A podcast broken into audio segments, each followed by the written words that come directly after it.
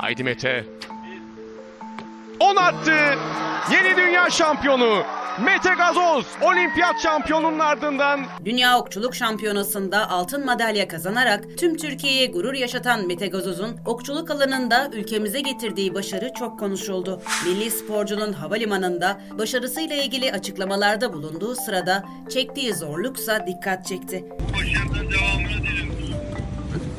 Çok sağ olun Cumhurbaşkanım çok teşekkür ediyoruz. Peki Mete Gazoz'un hastalığı ne? İşte detaylar.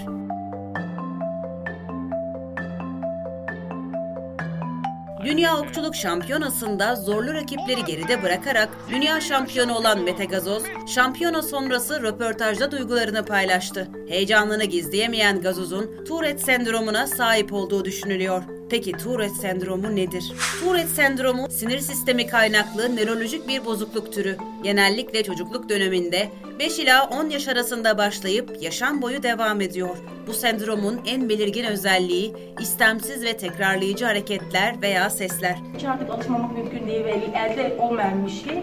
Tikler basit veya karmaşık olabiliyor. Göz kırpma, burun sızlatma ve öksürme gibi basit hareketler veya boğuk sesler içerebilirken karmaşık tikler daha karmaşık hareketler veya cümleler şeklinde de olabiliyor. Tourette sendromunun kesin bir nedeni bilinmemekle birlikte genetik faktörlerin ve beyin kimyasındaki dengesizliklerin etkili olduğu düşünülüyor. Tedavisi semptomların şiddetini azaltmaya yönelik veya genellikle psikoterapi, ilaçlar veya farklı bir kombinasyonla gerçekleştiriliyor. Tourette sendromu olan bireylerin yaşamlarını normal bir şekilde sürdürebilmelerine yardımcı olmak için erken tanı ve uygun tedavi önemli bir yer tutuyor.